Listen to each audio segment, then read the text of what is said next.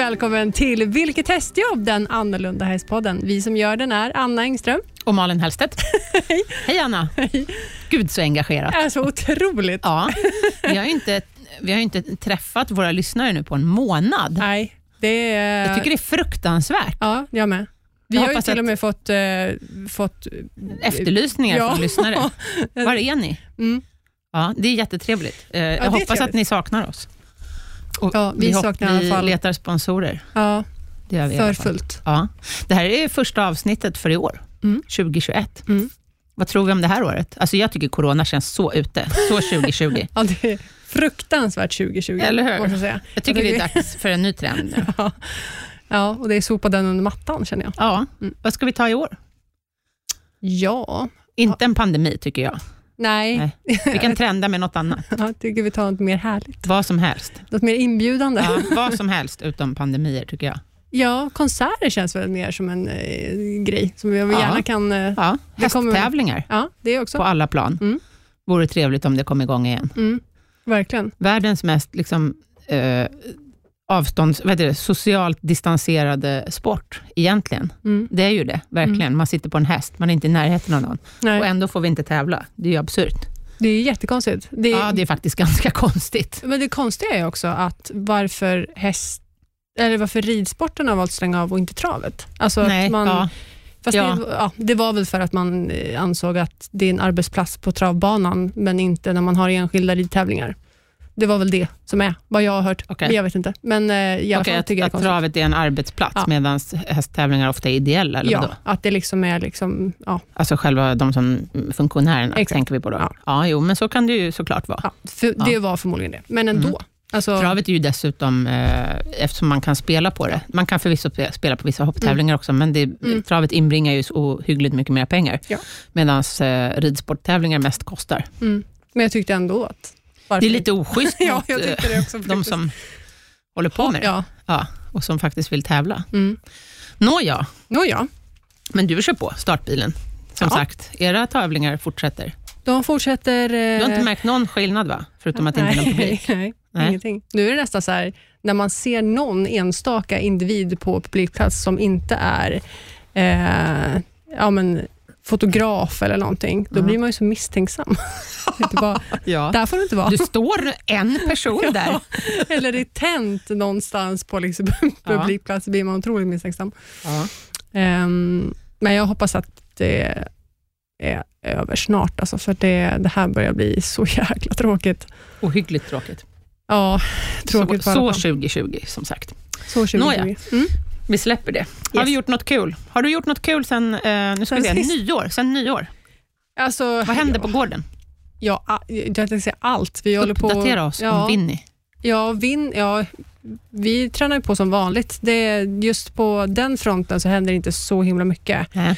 Det Nej, för han har ju tagit det lugnt i år. ja, förra året. Förra året, förlåt. Han har Ja. ja. tagit det lugnt i år också. Ja. Men, Tre veckor.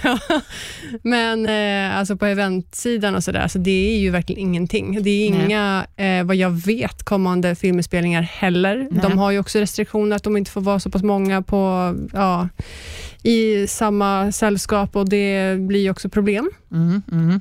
Jo, jag har ju Eh. varit på några, Ja. några filminspelningar och några foto. Mm. Jag ska på en modefotografering imorgon, Mm, vad kul. med, eller imorgon nu när vi spelar in, Mm. med mina tre, alla tre faktiskt. Okej. Ja, ska vi in i en studio. Gud, det blir roligt. första Är det bara gången fokus då? på hästarna? Eller fokus Nej, det är en modefotografering. Ah, De ska vara accessoarer. Ah, som, så här, små hundar som man där. Ja, precis. Fast jag tror kanske inte att de ska ha dem under armen. Det kan bli jobbigt. Ja. Kanske. Ja. vad kul. ja, och det blir ju... Silver har ju gjort lite jobb förut, men Keith, det blir första gången för honom och första gången för Pat. För Pat Mm. är ju bara fyra år. Mm. Mhm. Gud vad roligt. Mm, det ska bli spännande. Får, du, du kanske inte får braska ut vem det är, eller vad det är Nej, jag vet inte. Nej, du vet faktiskt. inte? Jag har ingen aning. Aha. Så att, eh, men Du är inne jag, kanske, ja, jag Mm. kanske kan ta det nästa gång. Ja, genom Tina Röd, min Mm. agent, som Mm. har varit med i Mm. podden. Det var hon som kontaktade mig och frågade om en liten ponny. Ja. Och då föreslog jag, varför inte tre Små polisar. små ponnysar? Och då, det nappade de på. Ja, Så att, sen vet inte jag om de kommer att ha alla tre på bild, eller om, om de kommer Mm. att använda en i taget. Mm. Jag tycker att det vore roligt att ha alla tre, just för att det är lite unikt att vi Mm. har tre likadana. Just det. med den färgen. Mm. Mm. Du har ju tre likadana. Ja, fast det är inte mina. Men, Nej, eh, precis. Ändå. Men, men det är lite roligt att jag har Ja. skaffat ett likadant team som dig. Litet crew. Ja. Ja. jag tänker så Jag, jag skuggar dig. ja, när, vi, jag, är så här, när jag I hemlighet håller jag på att omdekorera mitt hem, så Jag- att det ser precis ut som ditt. Ja, nästa Så vecka här, har jag rosa hår, men det har inte du längre. Spegelvänd. Ja, Nej, men det, det kommer nog förmodligen. Det kommer Så. bli rosa igen. Ja, det Ja. vet jag att det kommer, men när, Ja, ja, ja. när det kommer, det får vi se. Ja, nej, Mm. men, men, nej, men det ska bli jättekul och jag förmodar att det är liksom munskydd på, för så har det varit på alla de Mm. jobben jag har varit på i alla fall hittills. Mm. Mm. Händer nå- eller har det hänt någonting, ja, nu är, det- händer ju det här, men har det hänt någonting för dig annars? Ehm, Eftersom, eh, sen nyår? ja, exakt. Ehm, ja, alltså, jag har inte varit iväg på några hejdundrande uppdrag eller något så, men, men vi jobbar ju på hemma som vanligt. Mm. Jag hade en kurs för ett par veckor sedan i trickträning och uh, frihetsdressyr, Mm. hemma på, um, på grannens gård. Mhm. Det gick jättebra, jättenöjda deltagare, så det var väldigt roligt. Mm. Är det alla möjliga sorters hästar? Ja, det var, nu ska vi tänka här. Tre, eh, tre islandshästar, Mm. en mini-shettis. Ja. Den var liksom lika liten som Silver, alltså Nej, pytteliten Ja. och jätteättrig. Ja. Ja, ett litet sto, Ja. jättekäck var hon. Och sen var det en Morgan, Okej. eh, och så var det en, en Lusitano, och så var det en miniatyrhäst, amerikansk miniatyr. Mm. Är de helt gröna som kommer? Alltså, eller du kanske har, Ehm, ja, det här var ett väldigt grönt gäng, allihopa. ingen har gjort någonting, eller är de liksom typ... Nej, de som hade gjort något, det var Elvin, Mm. som jag har sålt Mm. till min kamrat Åsa. Mm.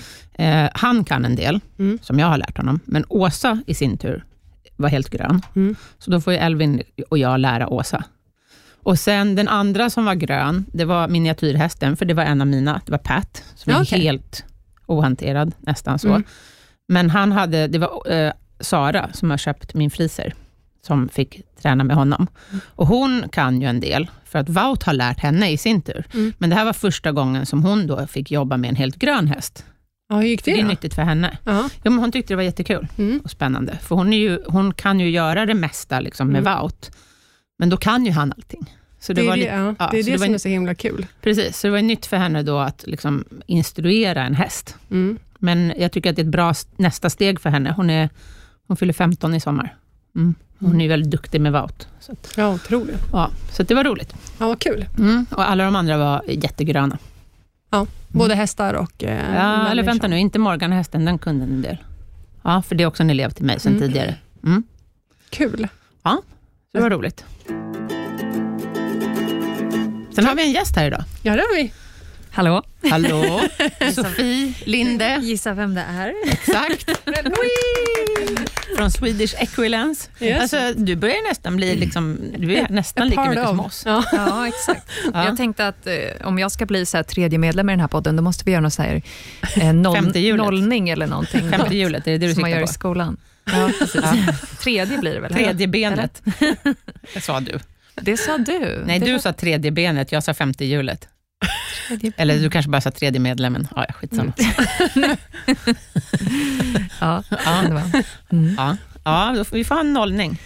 Vad ska det innehålla då? Jag vet inte, förnedringar mot, mot dig, som jag och Anna hittar på. Springa genom ett jättelerigt fält i gummistövlar? Det är inte tillräckligt illa. Alltså det måste Det vara bli publika förnedringar. Alltså jag, när jag gick på... ehm, jag gjorde något ovanligt korkat när jag var tonåring, att jag sökte in på teknisk linje på gymnasiet. För att det var snyggare killar där, eh, sade hon avslöjande. Jag gick inte klart teknisk linje. Okej. De var så snygga. Vadå, Alltså. höll de inte måttet eller vad säger? Vi säger att det var så. Ja, okej. Mm. Mm. Ehm, jag var väldigt skoltrött. Nåja, ehm, då var det nollning. Jag vet inte om det var bara för teknisk linje, det var säkert hela gymnasiet. Ho- Oavsett, jag kommer inte ihåg, det är så ofantligt länge sedan. Men då var det så här nollning. Och då, den var, pågick inne i stan. Mhm. Och då fick vi en jäkla lista, vill jag minnas, med uppdrag som man skulle göra. Mm. Ja, bland annat skulle vi spela någon slags vatten, alltså rugby i den här fontänen vid Mm. Stadsbiblioteket. Så att jag tänker mig mera sådana saker, men det Aha. måste naturligtvis involvera hästar.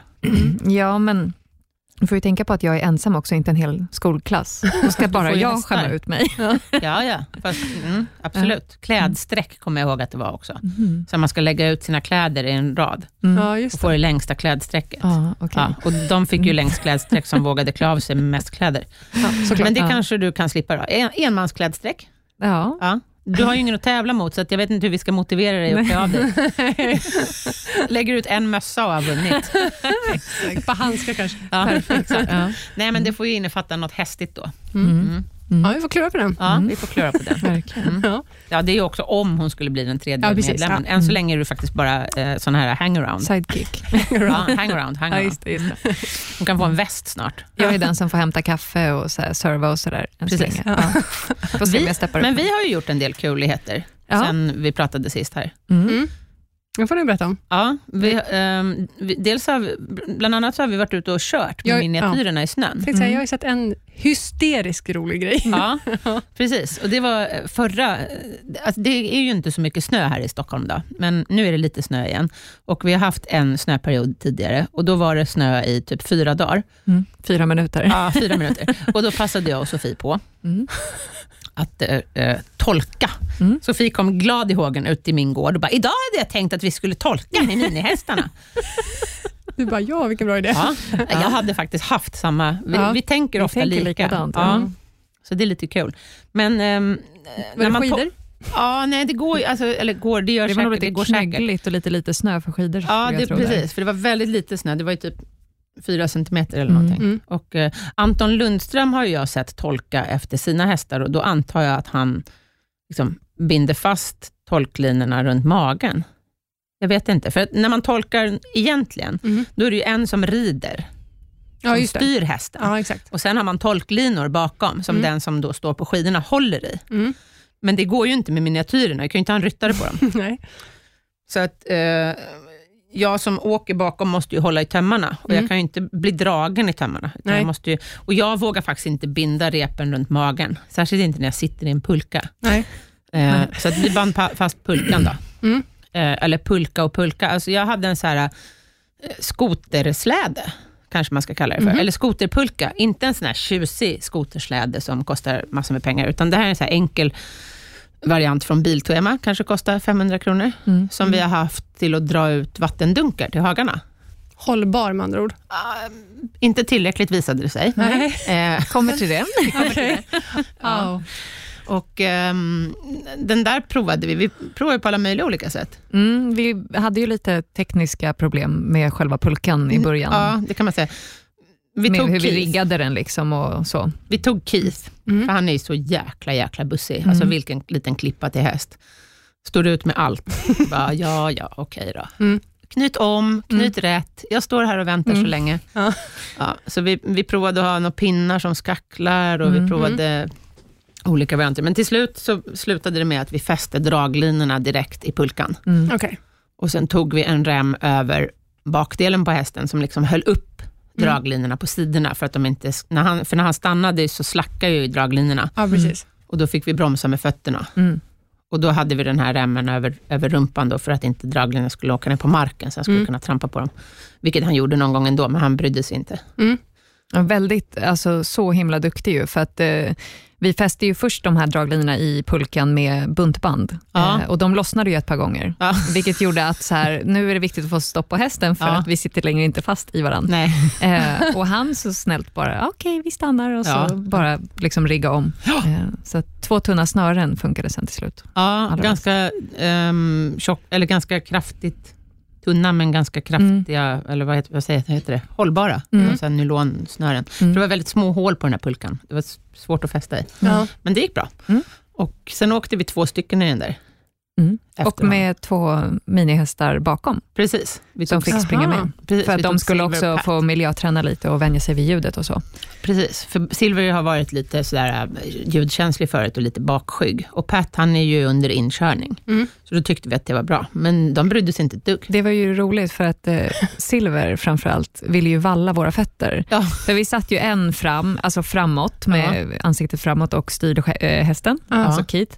Eh, och den andra satt, vi satt liksom rygg mot rygg, så den Mm. hade satt bakåt och höll koll på de andra två. Och den andra hade då, föt- den som satt bak hade fötterna över kanten för att kunna Såklart. stoppa fötterna i marken som Mm. bromsar. Mm. Och Silver då tyckte det var en jätterolig lek att liksom valla fötterna. Så han körde riktigt sån här som ni kan se på kohästar, att de Ja. liksom lägger bak öronen och liksom lite så här Ja, attackera. Attackera, ja, precis, inte attackera, fullt attackera, han var ju styrbar så, men han såg ut som att han, det var det han Ja. gjorde. Liksom. Ja, han var väldigt sådär, visste vad hans jobb var. Ja.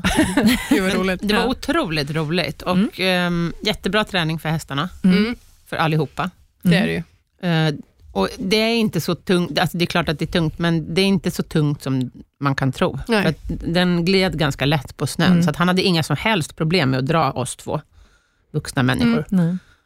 Gud vad roligt. Ja. Vi har ju sett lite snutt av det här. Ja. Eh, inte när ni båda sitter Jag på. tror men, att jag delade det på vår Facebook-sida. Ja, det gjorde du säkert. Det Ja. var säkert det jag sett. Ja. Och jag skickade det till dig också, tror Ja. jag. Ja. Blev du inte inspirerad? Jo, otroligt. Ja. Ja, det första jag gjorde var ju att titta om det fanns, eh, pulkan fanns Ja. på närmsta Clas Ohlson. Ja. Det gjorde det inte. Så, Nej. så. Men, Biltema tror jag har. ja, det kanske För nu är det snö igen, Anna. Ja, exakt. Jag säga, så nu är det snö Vi har ju igen. kom, alltså, hos mig har det ju nästan blivit 6 centimeter på en dag. Ja. Ny utmaning, Anna. Ja. Nu förväntar vi oss.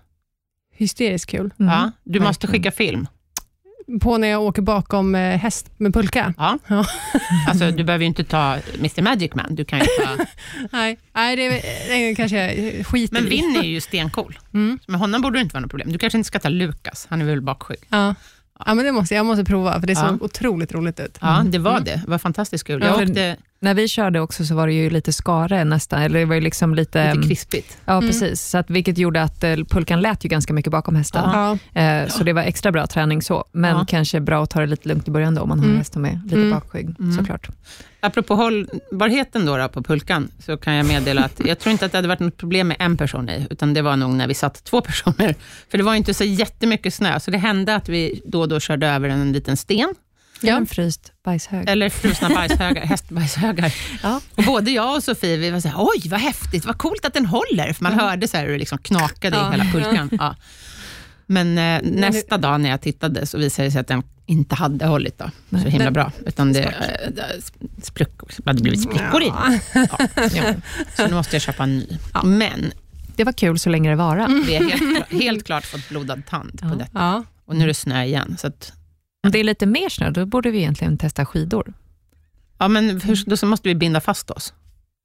Får man köra en så här snabb release Eller ska, man, ja, eller ska man ha... Vet du vad jag mer funderade på om man kunde ha, om man kör med skidor? Jag funderade på om man kunde ha så här som en ankarlift. Aha. Okej. Ja, men vet hur en ankarlift Ja, ja, ja. Det är liksom en pinne med en, bräd, med en tvärslå. Ja, som man bara sätter bakom Sätter liksom, ändan. Mm. Men grejen med en ankarlift är ju att den eh, riktas ju liksom, du dras ju liksom snett uppåt. Jo, jag vet. Risken med den här är att man får den i knävecken och det kan bli Och jättejobbigt. då blir det jättekul för den Eh. som filmar. Ja, men jag tycker att du är negativ. Ja, jag kan filma dig när du provar. Ja, alltså grejen är... Ja, Mm. jo. Men om det är någon som har tips på hur ni har tolkat på skidor, kanske Vi får- efter en häst, eh, utan att det sitter Efter någon och rider, Precis. Mm. Ja, eller, så får ni gärna berätta hur ni har riggat. Mm. ja, gärna ett som innefattar att inte binda fast sig i hästen. Ja. Nej, precis. Nu tror jag inte att det är något problem med de små, Nej. men ändå. Mm. Jag kommer ihåg att jag gjorde det som barn med min ponny. Ja, det har du berättat. C-ponny. Ja. Ja. Har jag berättat det i podden? Jag tror det någon Ja. gång, eller jag kommer Ja. ihåg det i alla fall. Att, Ja, för jag var ensam och ville verkligen tolka. Mm. Och jävlar vad jag fick springa. Mm. För han tyckte det var skitkul. Ja. Vill inte stanna. livsfarligt. Som tur var var jag inne, ja det var livsfarligt, men jag var typ 12 eller 11, 11 tror jag. Men som Mm. tur var var jag inne i en liten hage, så jag fick ju stopp på honom. Men herregud, tänk om man hade varit på ett fält. Mm. Då hade han ju aldrig stannat. Ja. Då hade jag fortfarande varit i omloppsbana runt jorden. Mm. Ja. Ungefär så. Ja, men eh, helt klart ett vinternöje värt att rekommenderas. Mm. Mm. Tolka. Mm. Mm. När jag började jobba med vinnisarna Mm. så skulle de ju köras in och det här var ju på vinter, ja, första vintern. Eh, och Det bästa med det är ju att liksom sätta för dem där det är som mest snö. Mm. Det, jag kände att om det är så, så orkar de inte så länge. Mm. Och Det kan ju vara lite grann, man kanske ska tolka så och köra in, men just så här att köra in biten är ju, är ju väldigt bra att göra när det är snö. Mm. Mm. För att Faktiskt. det är lite tyngre. Mm. Mm. De orkar ju inte så länge. Liksom. Nej. Och sen så landar man mjukt och man trillar av. Det är ju, Jag har ju gjort så med eh, Pat Mm. nu. Ehm, för han är ju helt o... När jag köpte honom så var han ju liksom helt o... Inte ohanterad, men Mm. helt oarbetad. Mm. Så att jag har ju haft med honom som handhäst. Först fick han springa bakom vagnen. Och sen har jag bundit honom i skacken bredvid Mm. Keith.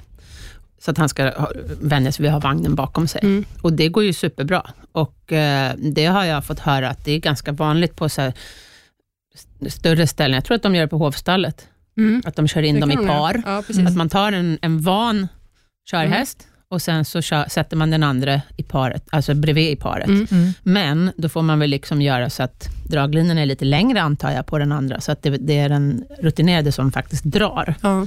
Och sen kan man börja liksom Mm. vänja in den andra också. Och jag tycker, alltså, det är ju jättesmart. Ja, för gud, den lär sig mycket bättre av en kompis häst Mm. än av mig. Mm. Och känner sig såklart mycket tryggare att gå i vagn Mm. med en kompis, än att man gör det liksom när den är ensam i en Mm. enbetsvagn. Gud, ja. Gjorde Så, vi så gjorde vi i USA faktiskt. När Ja. vi, på stället där jag bodde i Mississippi så var det en man som bodde eh, granne. Paso Fino-hästarna. Exakt. Ja. Och då var det en man som bodde granne som körde in, det här var ju nära New Orleans. Mm. Och i New Orleans så kör man ju häst, eller mulåsna och vagn. Ja. Eh, och det är ju liksom en turistattraktion där, så man Ja, åker ja, runt. ja. Liksom så. Och då har de sådana som kallas för mammoth mules, vilket är stor- Gigantiska Ja, de åsnor. är, ja, men de är liksom lika stora som en full, vanlig stor häst, Ja. liksom, fast med gigantiska öron. Mm. Jättegulliga. Ja. Jag tror att det finns Eh. Mammoth Ace också, eller vad eh, vad heter de? Ass? Ja. Ass. Ass. Nej, men de heter, det heter ju det. Mammoth Alltså, ass. Mm. Ja, det låter Men det är ju... väl en åsna? Exakt. Ja, Det exakt. finns mammutåsnor Mm. också. Mm. Anna Ass betyder åsna. Ja, Ja. men det lät roligt. Jag vet, det är jätteroligt. Mammoth, mammoth Ass. Ja. Men Ja. de i alla fall är ju liksom ganska speciella. Eh, och de Mm. Stabila kör, i temperamentet. Ja, när de väl blir det, Ja. tror jag. Men de är också ganska egna och väldigt ehm, liksom måna om sin egen säkerhet och sin egen överlevnad. okej. Eh, Ja. Väldigt rädda om fötterna. De kan liksom, Mhm. Jag vet inte riktigt hur de kan knöla ihop fötterna på alla olika sätt, men de kan liksom ta sig in och ur situationer. De kör ju även, nu babblar jag bara känner jag, men Mm. de, de eh, använder de ju även till det som kallas för rockhopping. Alltså att de, sit, de liksom rider sina mulåsnor och så liksom är man i bergen och så Okej. tar man sig igenom svår terräng genom att de då hoppar mellan olika stenar. Oj. Shit vad coolt, som Ja. bergsjätter. Liksom. Mm. Ja, men de är liksom lite mer åt det Mm. hållet, på Mhm. att de är så Än säkra på foten. Ja. Liksom. Ja. Ha, vad tufft. Ja. Det visste inte jag faktiskt. Ja.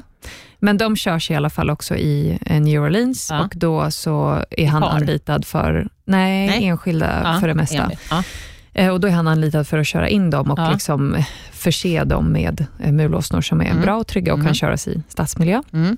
Och då har eh, han två belgiska arbetshästar Mhm. som heter Jim och Jake. Mhm. Eh, och de kör han alltid in de här mulåsnorna tillsammans Mm, med. mm. Så då binder han, liksom, sätter han för då en av sina arbetshästar tillsammans med Mhm. en, en ny som ska köras in.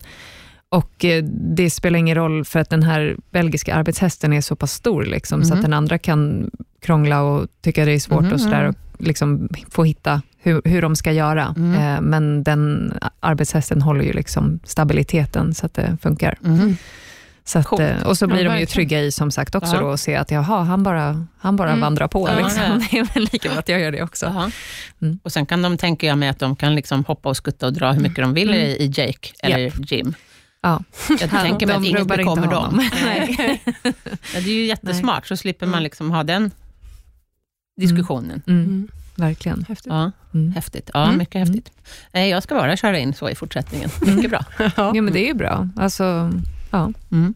det är alltid bra. Det säger vi ju jämt, liksom, och vänjer dem vid saker och ting stegvis. Ja, och Mm. med, eh, om man kan med en annan häst. Mm. Jag tycker att det är ypperligt. Mm. Alltså det är underskattat. När jag var barn så var det väldigt mycket mer så, att man fick lära sig att liksom, om man har en grön häst, ha alltid ett sällskapshäst som går först och liksom visar att det inte är något problem. Mm. Men det tycker jag har lite, lite grann glömts bort, kan Mm. jag känna ibland. Folk är så mycket för att de ska göra allting själva. Mm. Och, Mm. eh, ja, hästar är flockdjur och lär sig bättre av varandra, helt klart. Mm. Mm.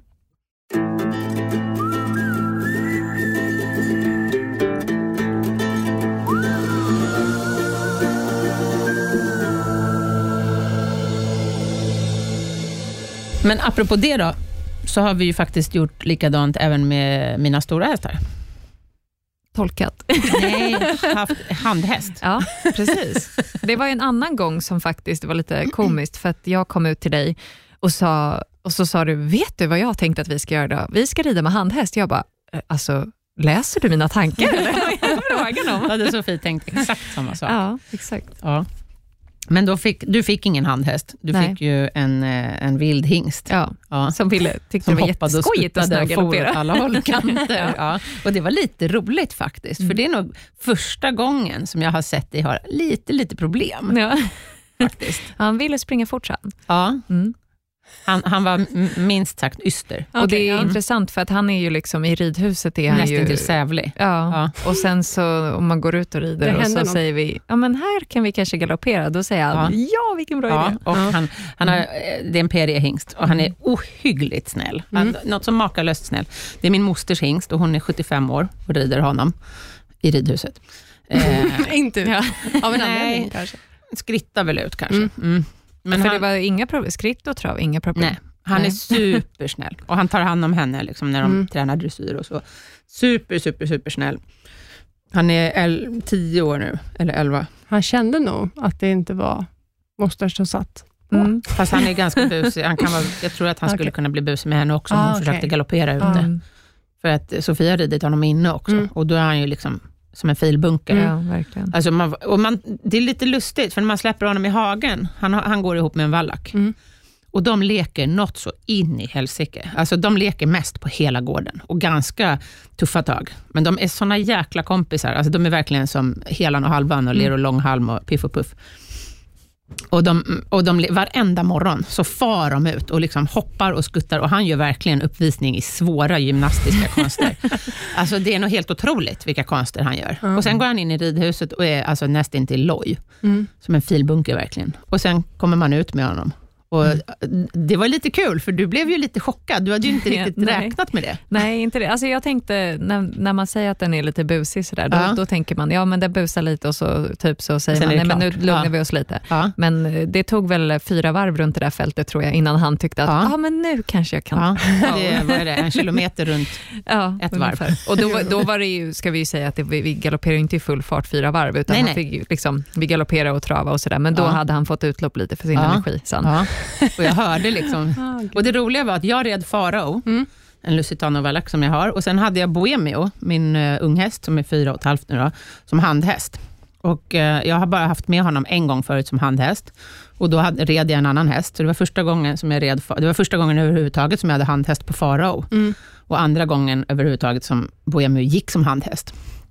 Och eh, eh, vi skrittade först en sväng i skogen och det var inga problem, då hade jag honom bakom. Jag tycker att det är himla praktiskt att kunna rida med handhäst, för man kan Mm. motionera två hästar samtidigt. Mm. Och jag har då en repgrimma, hade jag på Boemio. Man, det gäller att välja ett bra huvudlag, tycker Mm. jag, Ja, på handhästen. Mm. Så att man inte kanske har en vanlig grimma och ett för kort rep. Nej, och heller inte kanske en longerlina, för Nej. den är alldeles för lång och kommer bara trassla in sig. Exakt, och den är Mm. också för slinkig, eller Ja. vad man ska säga, sladdrig. Mm. Så det behöver vara, tycker jag, jag, tycker, jag hade ju den här repgrimman som jag har köpt av dig, med ett ganska styvt rep, Mm.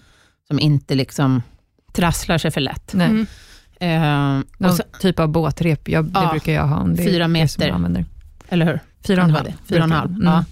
Jag hade kunnat ha lite kortare, kände jag. För Mm. att det, är också, det liksom finns en risk. För jag vill ju inte binda fast handhästen Nej. i sadeln eller i mig. Men du, har, du rider med en hand och så har du hand- handhästen i ena Eh, handen. ja, jag hade um, tyglarna i vänsterhanden. Mm. Jag är van att rida enhändigt så, Mm. och hästen är van att gå enhändigt. Så det var inga problem.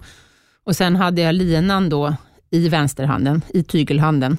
Men sen hade jag även högerhanden för att då kontrollera hästen med. Mm. Men jag hade också ett spö. För här vill jag helst dirigera handhästen med spöet, inte liksom hålla för mycket i kontakt i grimman. Mm.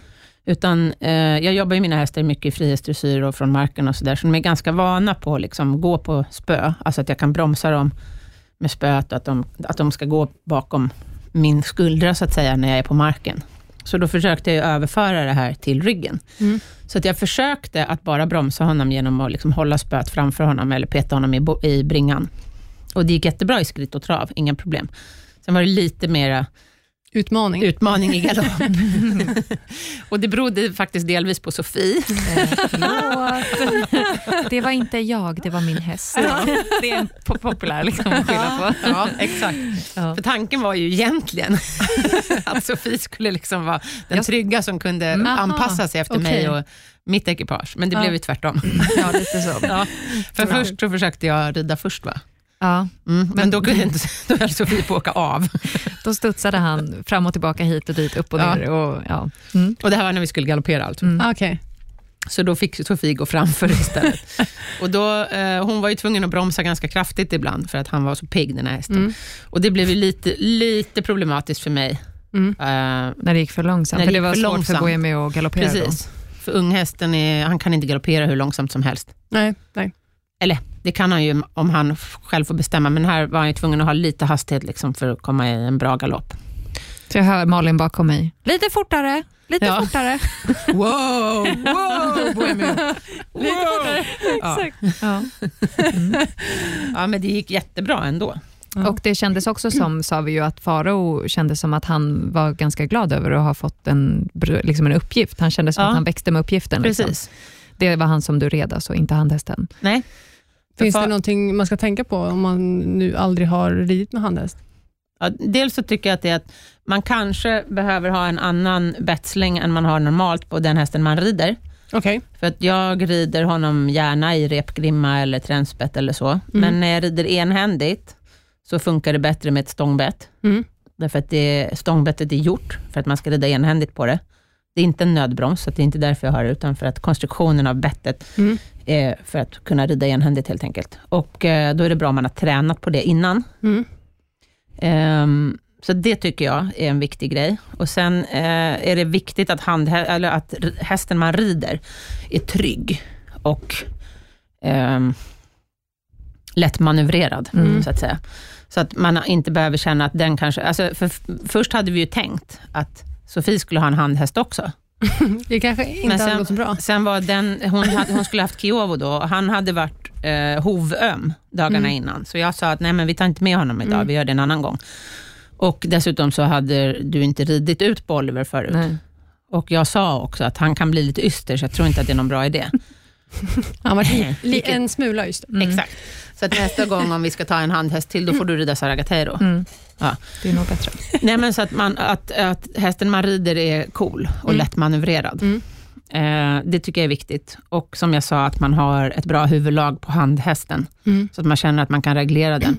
Jag tycker ju kanske också att det är viktigt att man har gjort ett bra markarbete med handhästen. Vad säger du där? Jo, men det är viktigt att, eh, alltså även om det är en sak som man kan träna på när man rider med handhäst, att de liksom ska förstå till exempel att kom, gå från skritt till trav från marken. Eh, när du drar lite i, repet så ska hästen börja trava.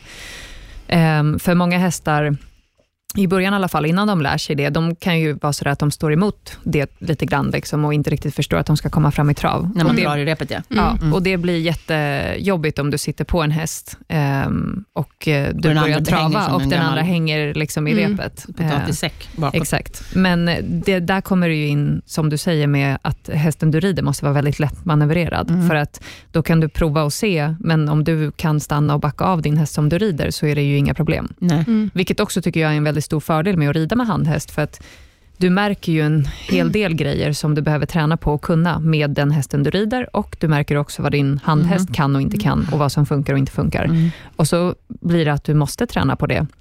För du kanske hamnar i en situation där du behöver flytta både din häst som du rider och handhästen lite åt höger eller lite åt vänster, eller sakta ner eller liksom rida snabbare.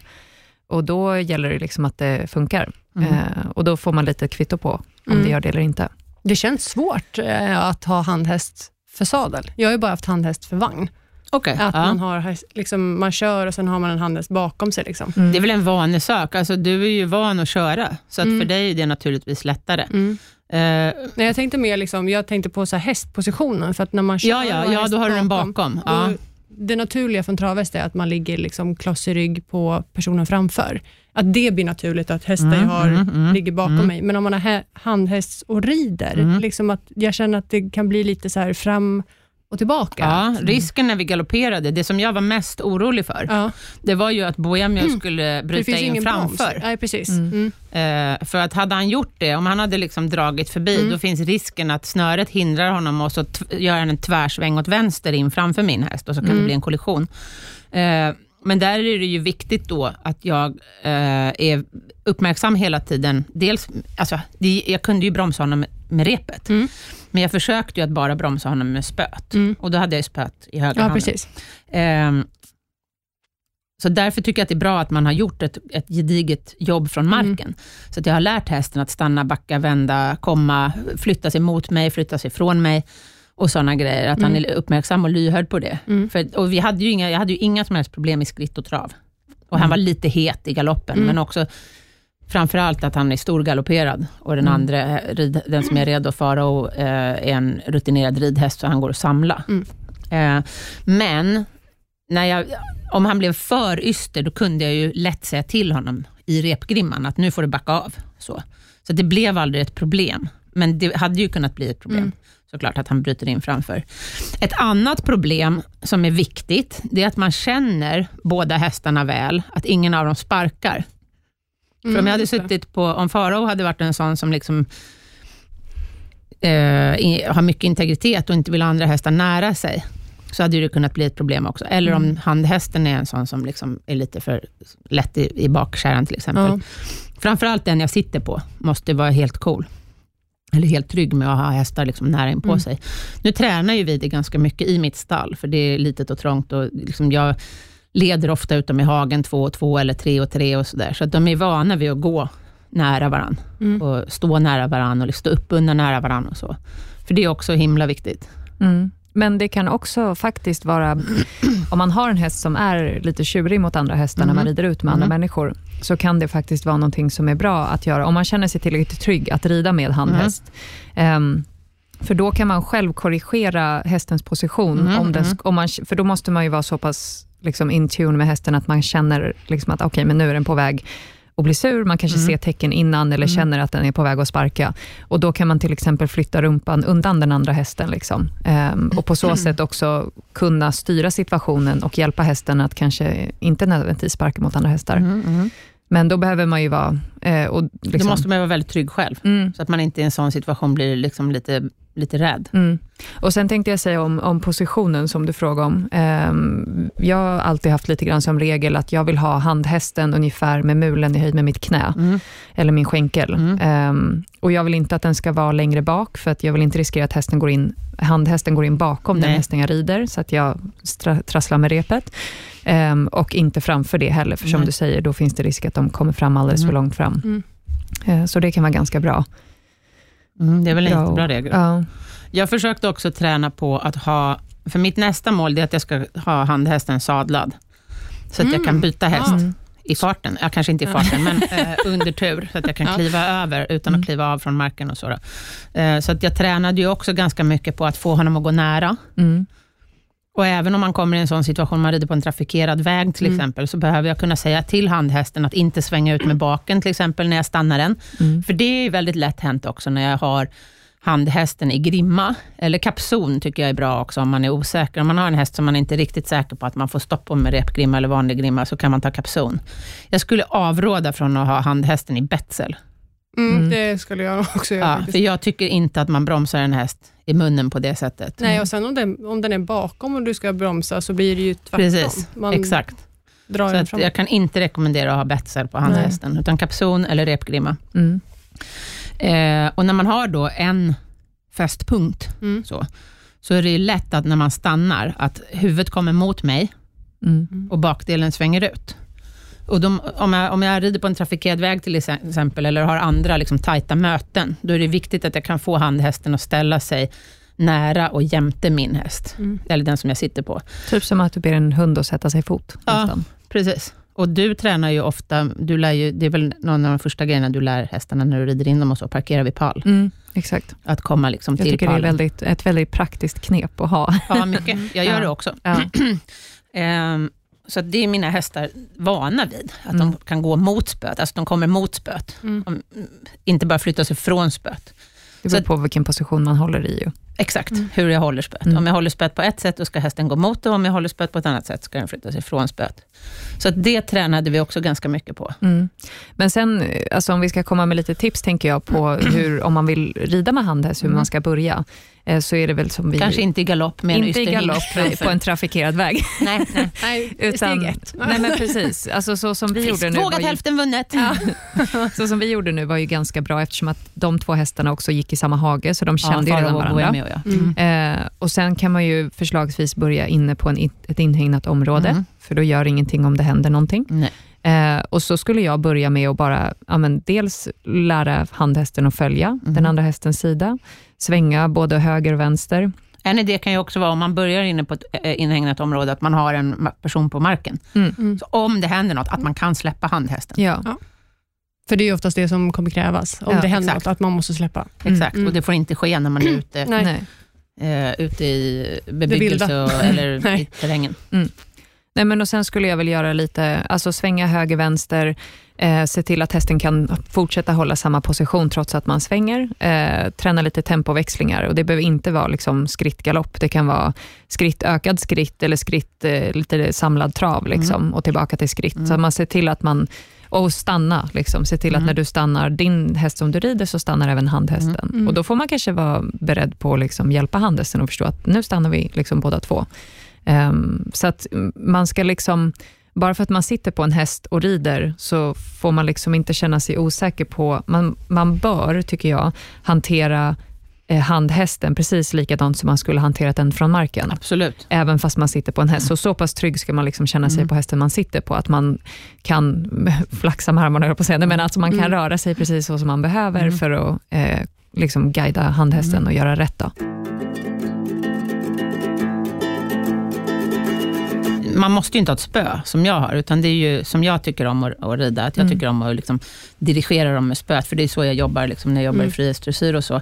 Och är man osäker på det och har så mycket grejer i händerna, så är det ju betydligt bättre att köra utan spöet. Mm. Det Mm. räcker Ja, fullt precis. upp med att ha eh, en tygelhand och Mm. ett, en extra, ett extra rep att kontrollera. Mm. Och superviktigt också att tänka på att repet som du håller handhästen i, att det får absolut inte vara några öglor runt händerna Nej. och du får absolut inte binda inte... någonting. Liksom. Nej, och du Mm. måste ha stenkoll på vad är dina tyglar och vad är eh, Mm. repet i handhästen, Mm. för det måste du kunna länga och korta och liksom så, om det skulle behövas. Mm. Eh, så att man inte på något sätt fastnar, för Mm. det blir inte bra. Nej, det är inte bra. Nej.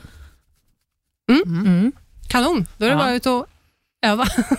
Ut och Ja, det är väldigt roligt. Alltså, det är jättenyttigt och vi kommer att fortsätta med det här nu under vintern. Mm. För att det, är lite, det är inte superkul ridväder än och så där. det blir mörkt fort, så då är det himla praktiskt om man kan motionera två hästar åt gången. Mm. Mm. Nästan som som sagt- jag skulle kunna göra som med, med eh, mina miniatyrer. Ja, ja, ja. Att eh, man kör en som är jag säga laglig, men som Ja. kan ja. i alla Mm. fall. Och så har man någon som är lite mer orutinerad. Det är så jag gör med min. Mm. Jag har ju med mig båda, alltså jag kör ju alltid alla tre miniatyrerna på en Mm. gång. Jag kör en och så har jag de andra två bundna. Ja. En i skacken och en bakom, eller båda bakom. Eller, Mm. men de är ju så coola så de kan ju binda fast. Mm. Ehm, jag skulle ju aldrig binda fast en häst i sadeln, Nej, eller i mig själv eller något sånt. runt, rep runt, midjan. bara. Ja, jättepraktiskt. Exakt. Då får man springa fort, eller hur var det? Jag brukar, ja, jag brukar ju även ha mina hundar med mig när jag rider. Ja. Eh, och min Jag ena hund jagar, Mm. så jag kan inte ha dem lösa. Utan jag måste ha dem i koppel. Mm. Och, eh, det är samma, fast de har ju på, det är lite olika, för när jag har handhäst har jag den på högersidan. Mm. Och när jag har hundarna med mig har jag dem på vänstersidan. Okej. För hundar går ju alltid på vänster sida, Mm. medan hästar alltid går på höger sida. Mm. Eh, och hundarna har jag också alltid koppel. Och det, mina hundar är roliga, för de är mycket lydigare när jag sitter till häst. Ja. De går fot mycket bättre när jag sitter till häst. Det är för att de vet allvaret i det. de går fot jättebra på marken Mm. om jag inte har koppel. Mm. Men de är lite jobbiga sådär när man har koppel på dem på marken. Mm. Men när jag sitter till häst, då är de jätteduktiga och då har jag dem alltid i bredd bredvid mig och jag har aldrig öglan runt handleden, utan jag håll- håller öglan liksom Mm. i handen. Mm. Om det händer något så måste jag kunna släppa dem, Mm. Så att de inte trasslar in sig i benen eller något. Och Mm. här är samma sak här. Det är jätteviktigt att hundarna lär sig att hålla avstånd till hästen, att de inte kommer för nära, eftersom de har koppel på sig och så. Mm. Utan att de går ja, men, kanske en halv meter utanför hästen Mm. Eh, och att hästen också såklart är trygg och van vid hundarna och inte försöker Ja. sparka efter dem eller några sådana grejer. Mm. Och sen kan man, som en fortsättning på eh, nästa steg då, om man vill rida med handhäst, efter att ha ridit på bana, så Mm. tycker jag att det är praktiskt att gå i skogen. Mm. För där är det ofta lite trängre. Så att det, eh, och då får ju, om det är riktigt trångt, då får min handhäst gå bakom mig, om Mm. man ska igenom trånga passager och så. Men annars kan den gå bredvid. Men där är det också mindre risk att någon försöker dra iväg kanske. Mm. Och man kan liksom använda sig av träd Ja, för att bromsa och sådär. Mm. Och sen är det ju en bra idé kanske att ha eh, ytterligare en person med som sällskap. exakt. kanske Mm. inte på en ysterhingst då. Nej, Nej. nej, vi provar. Jag, jag får gå nästa gång. Jag, tänk, jag tänkte andra, å andra, andra sidan säga då att om man har en person med sig på en ysterhingst, så kan det ju vara bra att ha Sofie, Mm. ja, Ja. som kan kontrollera tänker, hästen. ni är liksom hemma och provar och sen kommer ni hit och så berättar ni vad som Trial and och error. Ja, men det var ju som, som med pulkan. Liksom. Ja, Ja, buntband, smala buntband, inte bra. Nej, Nej. tjockare buntband, ja, Mm, en stund. Nylontråd, perfekt. Mm. Mycket bra. Mm. Eller inte tråd, men snöre. Mm. Och nästa gång har vi väl sagt om pulkan då, att vi ska på något sätt sätta någon eh, Förstärkning. ja, under. under. till, liksom, som något medar typ nästan. Eller så satsar jag på att köpa en släde. ja, Fast det är vi också. roligt med pulka. Alltså jag vill att vi provar snowboard nästa. Nej, vad heter det? Nej, snowracer. Snowracer. Så jag kan inte ens åka snowboard utan häst. Nej, inte jag heller, men snowracer. Ja, det Eller kan jag nog klara av. Ja, Ja. Då ska vi bara se hur man ska fästa den. Ja. Ja. Men på en snowboard som vuxen person, du sitter ju inte jättebekvämt. Man sitter inte på en snowboard, man står. En snowboard är en sån du fäster på fötterna. Det är som en, som en Planka. skateboard fast Ja. utan hjul. Nej, Jo, en, inte en snowboard. Jaha, men jag, vad säger jag då? En Snowracer. det menar var ju jag. det jag pratade om. Ja, jag, men, Ja. Du är inte med alls. Nej. jag menar det ena men jag sa det andra. Förvirringen. Ja. Mm. Och så skrattar du åt mig. Du bara, snowboard. Snowboard, är du galen? Ja. Ja. Ja. Men Mm. en snowracer, Ja, inte helt lätt att sitta på och vika ihop sina ben som vuxen person. exakt. Det är lite, Mm, är mer- Tänk dig när vi ska sitta båda två på den. Ja. Och sen är det väl styre fram Ja, också, så man måste exakt. styra den. Ja, Ja. Och sen har man de där bromsarna, de där... som Ja, man kan just det. Ja. Ja. Mm. Här. Ja. Ja. Vi kanske får modifiera snowracen. Kanske. Mm. Mm. Om man tar bort styrmedlen och ratten och bromsen, då är det ju bara lite släde kvar. Ja.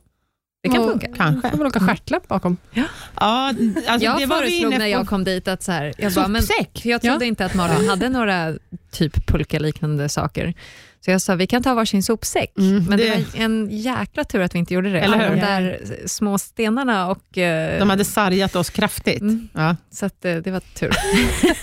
Hon kom glad som ett barn. Åh, jag vill åka sopsäck bakom småhästarna. Du bara, varsågod. Mm. ja, exakt. Du börjar. Precis. Jag filmar. Kan du berätta för mig hur det känns sen? exakt. Men, Kommer till podden i rullstol. Men vi har fått en fråga också som vi Du- tänkte ta upp. Det har vi. Hon skriver så här. Tack för en bra podd. Lyssnade precis på avsnitt 98.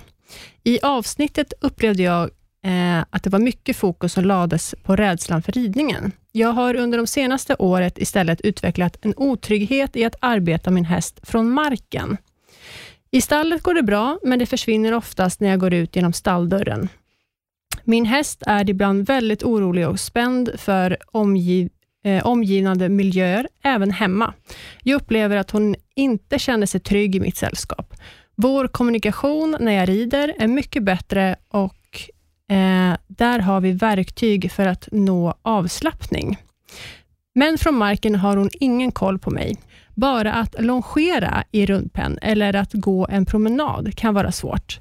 Hon blir spänd, visar flyktbeteende och är svår att få kontakt med. Ibland har är hon istället väldigt loj, avstängd och tjurig. Inte intresserad alls av att umgås. Har ni något tips på hur jag tar mig framåt? Här tänker jag direkt, alltså apropå det vi har pratat Mm. om, att det skulle kunna vara en jättebra lösning att ha den som handhäst. Mm. Om man har tillgång till en, en trygg häst. Mm. Vad säger du om det, Sofie? Det tycker jag är en bra idé. Det är mycket här vi inte vet om. Nej, vi Hur vet hon inte så tränar. mycket förutsättningarna. Eh, ja, vi får väl nästan utgå ifrån att hon, har, att hon inte har två hästar. Nej, Ja. Eh, men, men har man möjlighet, så, så tänker jag mig att det är en jättebra lösning. Mm. Eh, just för att hon skriver att hästen är otrygg. Mm. Mm. Och har man en, en, en stödhäst, terapihäst, Mm. Ja, och att man själv också, om man känner sig osäker från marken, så kan det också ofta handla om att man känner sig i förhållande till hästen kanske liksom liten och sårbar, Mm, eller man ska mm, säga. mm. Eh, för att det känns som att hästen kanske kan springa över en om Mm. den blir rädd, eller Mm. att den kan trampa på en, eller det händer saker, eller den Mm. sliter sig och så vidare. Mm. Och då om man sitter till häst så mm, kanske man får lite självförtroende bara utav det. Men, eh, Plus att om jag sitter till häst, så är det fortfarande jag som kommunicerar med den andra hästen. mm, Så hästen kommer att ha fokus på mig, men den ser samtidigt att det är en annan häst som också är lugn och trygg och eh, reagerar positivt på mina signaler. Mm. Så att Men det- eh, om hon nu inte kan, eller har den här möjligheten Nej, alls. vi får nästan utgå ifrån det tycker jag. Mm. Det var Ja. bara som en liten parentes. Mm. mm, Ja, alltså hon har ju... ehm, det hon beskriver är att hon har svårigheter... Eh, hon, hon är osäker från marken och det här kan ju... Alltså, jag kan nog tänka mig att det här är nog vanligare än vad man kan tro. Det tror jag också. Faktiskt. Personligen tycker jag eh, själv, om jag har en häst som är hoppig och skuttig, sådär, Mm. att det oftast är lättare att kontrollera dem från ryggen Mm. Mm. än från marken. Mm. Därför att de kan börja fara runt den och sådana där grejer. När man Mm. sitter på kan man rama in dem på ett annat sätt. Jag har ett exempel från en kurs som jag hade i eh, förra året. Eh, och eh, då var det just en, en kvinna som kom på den tillsammans med ett sto, eh, ganska stort halvblod, eh, ganska liksom bastant sto sådär, eh, lite bufflig. Och eh, hon sa precis samma sak. Hon bara, det första hon sa att mitt mål med kursen är att överleva, för att eh, hon visste att eh, tre av passen skulle vara från marken och Ja. det sista skulle vara uppsuttet. Och hon sa precis det, att när jag väl sitter på, då är det inga problem. Liksom. Då känner jag mig trygg. Men det är just när jag är från marken. Mm. Och Det som jag upplevde då gav henne eh, liksom kontroll eller en känsla av att hon kände sig säkrare på Mm. hästen från marken. Det var när hon fick verktyg för hur hon skulle st- styra hästen åt höger, vänster, bakåt, Mm. framåt, stå Mm. stilla och så vidare. Mm. Ehm, för då kände hon helt plötsligt, precis som den här eh, personen verkar göra uppsuttet, Mm. att hon har verktyg för Mm. att dels påkalla uppmärksamheten från hästen, så att den fokuserar på dig och inte på allt annat runt Mm. omkring. Ehm, men också att man känner sig trygg i att om hästen blir stressad och börjar liksom komma mot den för att den vill ha trygghet av dig som person, så kan du kanske be den att flytta sig lite åt sidan eller Mm. backa eller så, så att, den in, så att ni inte liksom kolliderar med varandra. Och samma om den är en sån som hellre försöker springa ifrån en, att man kan få stopp på den Mm, exakt. Och få den att eh, uppmärksamma en Ja. när den är i ett flyktläge istället. Mm, Mm. Precis. Så vad hade du introducerat som en första åtgärd här? Alltså rent spontant, eh, eftersom det som nämndes nu i frågan var ju dels longering i, i rundkorallen och även promenader, så Mm. var det problem. Liksom. Och det första som jag tänker Väldigt på basalt. Är, ja, Mm. det första som jag tänker på är promenaderna. Det som Mm. jag skulle börja med, det är att tänka på att hästen behöver vara följsam. Mm. Och att då inte bara, och jag, nu vet vi ju inte alls hur hon gör på sina promenader, så det kan vara så att hon har provat det här redan. Mm. Ehm, men jag tycker det är viktigt att liksom, ge hästen små uppgifter hela tiden, Mm. speciellt om den är ofokuserad. Så att jag kommer inte bara ta med min häst och liksom gå ut på min promenad, ta mig runt en timme och sen vara tillbaka till stallet. Nej. Utan jag kanske kommer Det välja... handlar inte om att trötta ut hästen Nej. utan eh, fysiskt. Ja. Det handlar inte om att motionera hästen, utan Exakt. det handlar om att ge hästen tankenötter. Ja, Mm. Så jag kanske väljer då en 20 minuters runda istället, men jag låter den ta en timme. Mm. Och så går jag framåt och så stannar jag och så backar Mm. jag hästen och så svänger jag åt höger, svänger åt vänster. Eh, kanske ber hästen att gå runt ett träd på ett visst sätt eller gå över en stock Mm. eller gå över ett dike. Um, men alla sådana här liksom saker som får hästen att tänka på någonting konstruktivt Mm. istället för att eh, vara stressad över vad som finns runt omkring. Eh, och det tror jag att eh, om man börjar med att göra små vinster i att så här, ja, men nu kändes det som att min häst ville dra iväg, men jag lyckades få henne att komma tillbaka till Mm. mig och, och fokusera. Då kan det bidra till liksom att hon känner sig säkrare på Mm. marken. Eh, och ju mer man känner att man har ehm, förmågan att kunna styra hästen dit man vill, även, för, liksom, även från Mm. marken, det är ju det, tycker jag, som oftast bidrar till att man känner sig trygg. Mm. Ja, för det är ju kontrollen det hela tiden handlar om. Verkligen. Jag tycker att det är viktigt att poängtera också att när man ger hästen en sån här tankenöt, om man Mm. ser att den faktiskt eh, reagerar positivt och Mm. lyssnar på mig och funderar, så är det viktigt att ge den paus, Mm. alltså som belöning. Mm. Och då menar inte jag paus att man står tio minuter och står still, men att man låter, om den gör någonting bra, att man liksom ger den en eftergift att Mm. hinna eh, reflektera över vad den har gjort. Mm. Och att man berömmer den då, så att man inte liksom direkt kastar på den nya uppgifter för Mm. att så att säga hålla den sysselsatt. Mm. För det är inte det det handlar om. Det, han, det handlar inte om att hålla hästen sysselsatt från annat, utan det handlar om att få den att börja tänka och kommunicera med oss. Mm. Mm. Och Jag tycker att det handlar väldigt mycket om att hela tiden liksom få hästen att tänka och sen slappna av. Och sen Mm. tänka och sen slappna Precis. av. Eh, Så till exempel om, vi säger att jag hade en sån situation igår när jag skulle lära en, häst, en ung häst att gå över ett dike, som hon tyckte var läskigt, och det rann liksom vatten genom diket. Ehm, och Då ställde jag upp hästen först mot diket. Först så fick hon följa mig över, men hon Mm. tyckte även att det var läskigt. Mhm.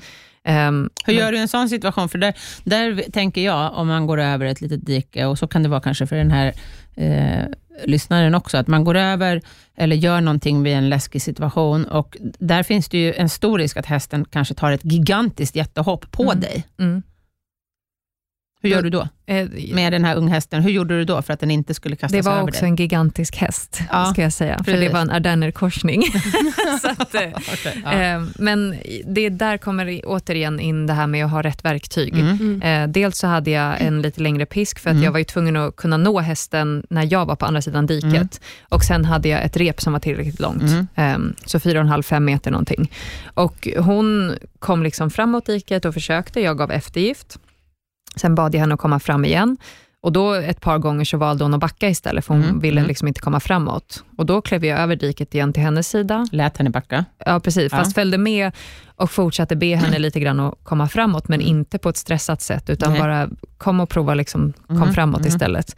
Eh, och sen så gav jag henne hela tiden eftergift, för man måste tänka på, tycker jag, att så här, som precis som du säger, att vi vill inte ge hästen hela svaret på vad den ska göra. Mm. utan vi vill bara visa vägen dit. Mm. Liksom. Att ja, men så länge hon ställer upp och är på väg att gå över, så får hon eftergift. Mm. Och Sen kan man fråga om bara liksom ett försök till en nyfikenhet av att eventuellt kunna gå över. Liksom. Mm. Man måste belöna minsta framsteg. Mm. Mm. När hästen försöker, när man ser att hästen försöker Exakt, och den tänker behöver rätt. inte hoppa över diket, utan Nej. det räcker med att den, att den visar intresse eller nyfikenhet för Mm. diket. Även Mm. om det bara är att den sänker huvudet och tittar på diket, Mm. så ger den en eftergift.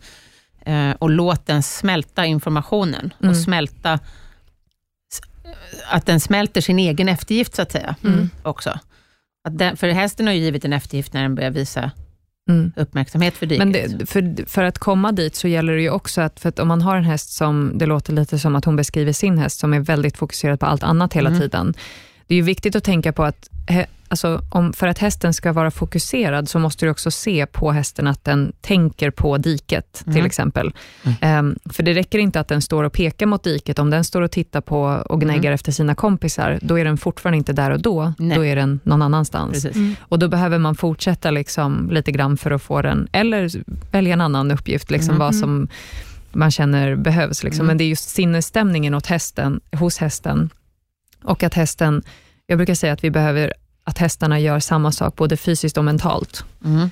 Så att bara för att den står med kroppen och pekar mot diket, så betyder inte det att den mentalt tänker på att gå över diket. Nej. Så att man behöver liksom att det linar upp Mm. med varann och stämmer Mm. överens.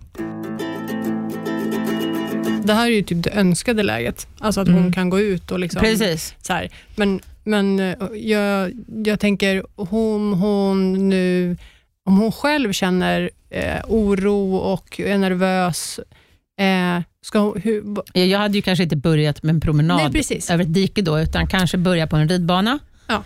och att träna ledövningar på ridbanan, Mm. eller ännu hellre För jag tänker, om man hon har kanske ett måste ridhus. tänka, alltså börja på en annan, alltså Exakt. tänka annorlunda Precis. för att det ska bli en förändring också Precis. och inte gå ut med samma, åh nej, det här kommer aldrig gå, eh, vi kommer inte att kunna, utan Mm. kanske få liksom jobba lite med sin egen... Precis, sin och det är en tanke också. jättebra reflektion Ja. från dig.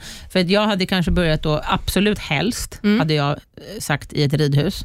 För att människor känner sig oftast tryggast där. Mm. där inte, och hästarna också, för det finns, de kan inte bli störda på samma sätt av saker som de kan bli på en ridbana om det Mm. flyger förbi grejer. Har man inte tillgång till ett ridhus så är ju en Mm. ridbana bättre än ute, Mm. i, ute i naturen, till att börja med. Mm. Men för hon behöver, ju- precis, den Hon här behöver ju- hästägaren behöver ju träna på sin säkerhet också. Mm. Mm. För hästen kommer ju heller aldrig bli trygg och säker innan hon känner sig säker. Nej. Så även om hon, vi kan ge henne uppgifter för att få hästen tryggare, måste hon ju också känna sig trygg i eh, situationen. Situationen, ja. Precis.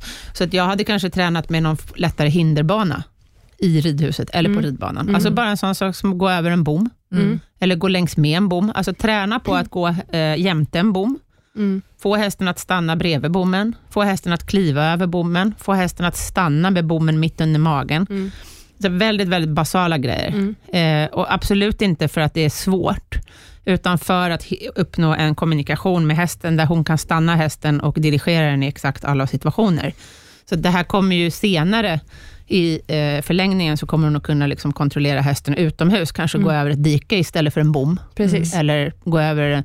För det gäller att bryta ner de här små Exakt. stegen hela tiden. Om, om, om målet är att kunna gå den här promenaden eller gå över det här diket, så vore ju det, då får man bryta ner det istället till Exakt. att kanske vara i stallet. Och Exakt. om det är då hon känner att ja, men, jag är tryggast i stallet, ja, men då får man börja kan man där. träna i stallet Ja. också. Det går utmärkt att leda hästen av honom på stallgången, om man har en längre stallgång. Mm. Alltså träna hästen att flytta sig fram och tillbaka på stallgången, om man nu är super, super osäker. Men Mm. ridhus är annars tycker jag är jättebra, Ja. eller ridbana. Mm. Eh, Sen tänker jag också det här med, hon säger, säger att hon känner sig tryggare när hon, hon har verktyg när hon sitter på hästen. Mm. Eh, och Då kan man ju reflektera över vad, är, vad gör hon när hästen blir ofokuserad när hon sitter på. Det kanske är att hon flexar, liksom, ställer lite till höger, ställer lite till vänster. Hon kanske flyttar hästen några steg i sidled. Eller vad det nu än, stannar, backar, vad det nu än Mm. kan vara. Och Då tänker jag att man kan försöka göra det även från marken. absolut. Alltså när man är på marken så kanske man kan be hästen stanna och backa några steg eller ta några steg i sidled eller sänka huvudet på, liksom på kommando så att den får engagera sig med dig. För det är egentligen det är ju det enda det handlar om när man sitter på hästen också. Men då att- gäller det också att man vet och reflekterar över att de här rörelserna som vi nu pratade om, flexa nacken höger-vänster, alltså Mm. böja sig höger-vänster, Mm. backa, stanna. Alla de rörelserna är så kallade underkastande rörelser. För alla Mm. de rörelserna ber ju hästen att ge avkall på sin flyktinstinkt, Mm. eller sin flyktförmåga. Mm. Eller hur? Om vi bryter ner det här. Mm. Eller? Håller du med? Ja, typ. Fortsätt. Ja, för att när hästen böjer huvudet, så Ja. har den inte alls samma uppsikt som den har, Nej. om den har huvudet rakt fram.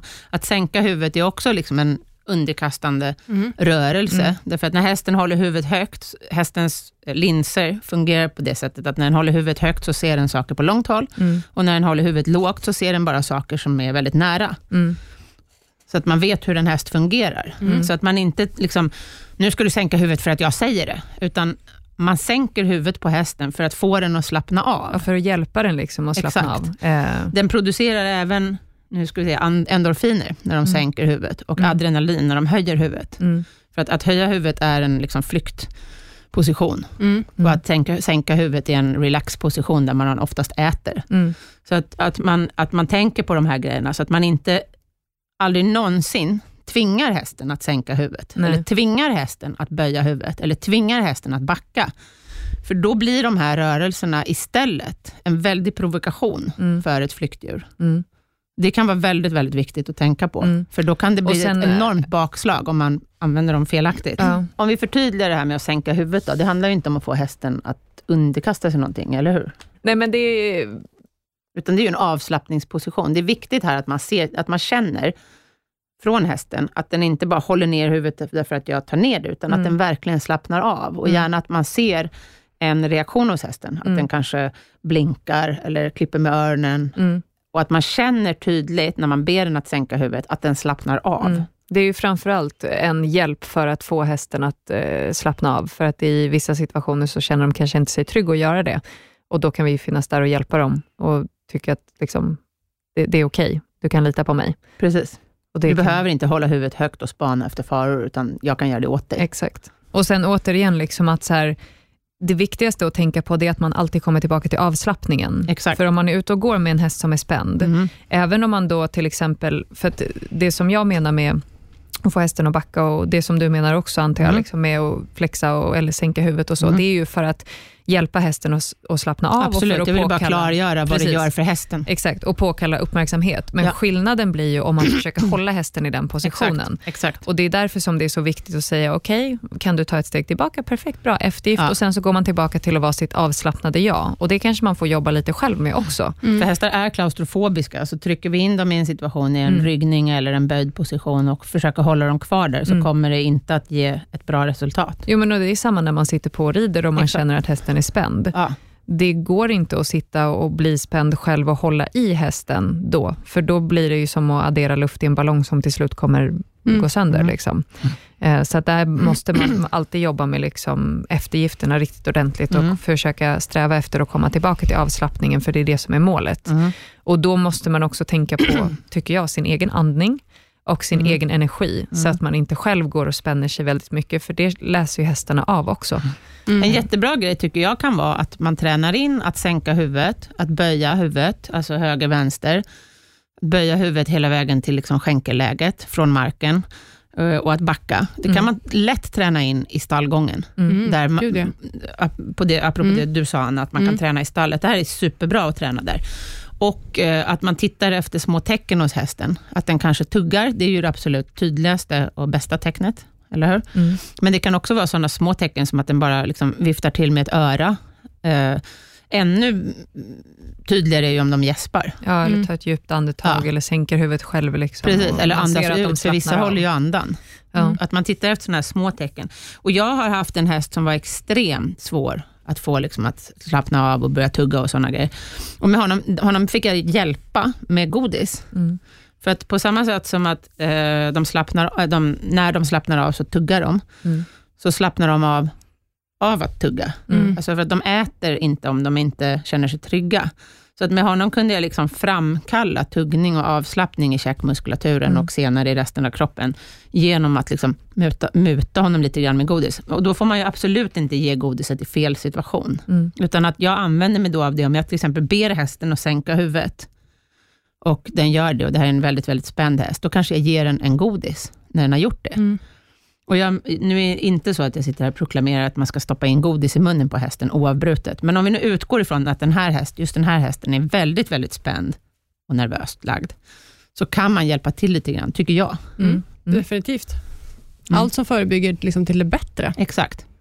Så att man är väldigt, väldigt tydlig och noggrann med belöningar och Mm. eftergifter. Men sen är det viktigt, som du säger också, som jag förespråkar hela tiden, det är ju med att det är ju viktigt att du vet att hästen kan det du försöker göra med den Mhm. i en lugn situation. För Innan det är ingen idé in. att gå ut och liksom vara mitt i skogen och sen bara, nej men nu behöver jag att du backar ett steg och så Nej. kan inte hästen det från början. Nej. Utan de här uppgifterna som man ger dem för att få tillbaka fokus, det ska ju vara sånt som hästen känner igen. Mm. Och som hästen också kopplar ihop med att, ja men just det, när jag gör det här, och så liksom känner de igen mönstret och så kan de slappna av på grund av det. Då. Mm. Så vad ska vi säga här? Ett, börja i stallet. Mm. Lär hästen sänka huvudet, Mm. höja huvudet, också på kommando för den delen. Böja sig höger, vänster, vända runt, Mm. bara runt sin egen axel. Mm. Kanske flytta några steg i sidled åt varje håll. Jättebra, bakåt. Mm. Bakåt, ja. Mm. Efter det, ridhus Mm. eller ridbana. Mm. Eller någonstans på gårdsplanen där hästen känner sig som tryggast utomhus. För hon Ja. skrev ju att, eh, De är ju hemma. Liksom. ja, och Mm. att, det var, att den var otrygg även hemma. Så att Ja, välj liksom den tryggaste av de otrygga platserna Ja, till att börja med. Stallet, sen Ja. nästa ställe och sen Mm. nästa ställe. Mm. Ridhus om det finns, sen och så vidare. Mm. Eh, och först när det funkar, alltså lägg in lite hinder i ridhuset eller Mm. ridbanan. Mm. Till exempel en bom, bara göra enkla liksom, övningar. Mm. Vill man gå vidare sen kan man göra svårare grejer, som att gå upp på pallar och sådana saker. Mm. Pressändningar. Pressändningar är jag väldigt försiktig med om jag har hästar som har skor på sig till exempel. Så det kanske vi inte ska...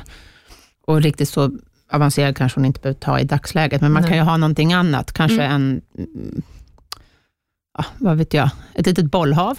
Mm. Det brukar vara ganska enkelt och de kan inte göra sig illa på det. Mm. Så att man ger hästen lite svårare upp, uppgifter som förbereder den, eller inte bara hästen, utan ger hästen och eh, ryttaren lite Mm. svårare uppgifter, som förbereder den för situationer som kan uppkomma utomhus. Mm. Mm. För man kan ju inte träna för alla situationer. Nej. Nej. men man kan Då- lära hästen ett, eh, ett beteendemönster Exakt. som är mer fördelaktigt för oss båda. Exakt. Och det Mm. får man ju göra med, med, eh, Bollhav. med bollhav, eller, eller såpbubblemaskiner har jag och Sofie, tycker vi är roligt. Mm. Och sådana saker. Och Sen tycker jag det är superviktigt också att tänka på att eh, liksom, vänta med inte med att börja träna. Alltså börja Nej. träna direkt när du går ut från stallet. Ja. Mm.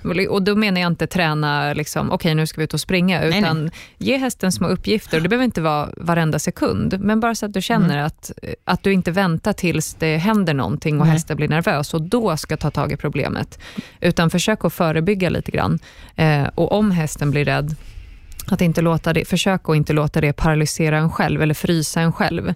Utan att om hästen blir tittig eller tittar på något, att man kanske då istället tänker, okej, okay, men då kanske vi kan vända hitåt, eller Mm. gå hitåt, Mm. eller svänga hitåt. Eller, Men det är därför det är bra att träna först i stallgången Mm. och på- i ridhuset med små Exakt. hinder, så att, man, så att man själv känner igen reaktionen hos hästen mm, Mm. och kan stävja den. mm, För att ofta, om hästen blir rädd ute, för en Mm. brevlåda till exempel, så är det ju förmodligen samma, den kommer förmodligen visa upp samma beteende som när den blir rädd för bollhavet Mm. inne i ridhuset, eller såpbubblemaskinen. mm, Och har man då tränat det först på en lugn plats, så är det, då kommer man själv att känna igen eh, situationen Mm. och kan lösa det på ett bättre sätt. mm.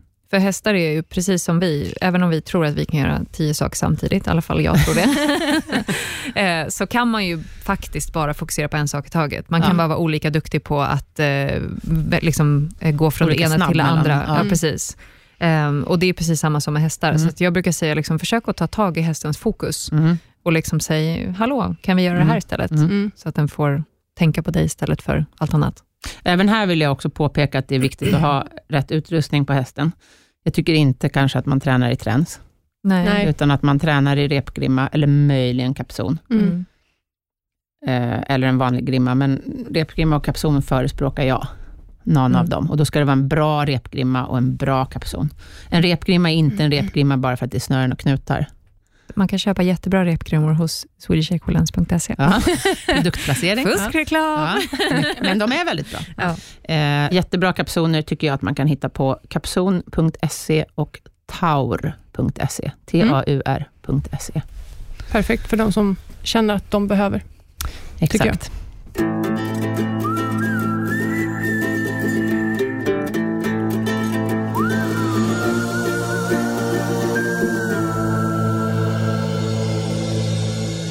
Det börjar bli dags att avrunda, va? Ja, jag hoppas att eh, hon eh, känner sig någorlunda nöjd i alla fall med tipsen. Du får hemskt gärna eh, Återkomma. återkomma till oss, kära lyssnare, om du är nöjd med svaret på din fråga. Och Vi hoppas att vi har hjälpt dig lite grann. Och om Precis. du är beroende på vart i landet, så får du gärna kontakta någon av oss, för så kan vi komma ut och, Vidare konsultation. precis, Exakt. komma ut och titta på eh, problemet. Sofie håller Live. kurser lite överallt i Mm. landet och Mm. även privatlektioner Mm. och även jag. Yes, Yes! Mm. toppen. Ja, då hörs vi om en månad. Ja, det Hoppas gör ni är nöjda med det här extra långa avsnittet istället för varje vecka. Ja, Ja. tack för den här gången. Tack så mycket. Tack, tack. Hej då!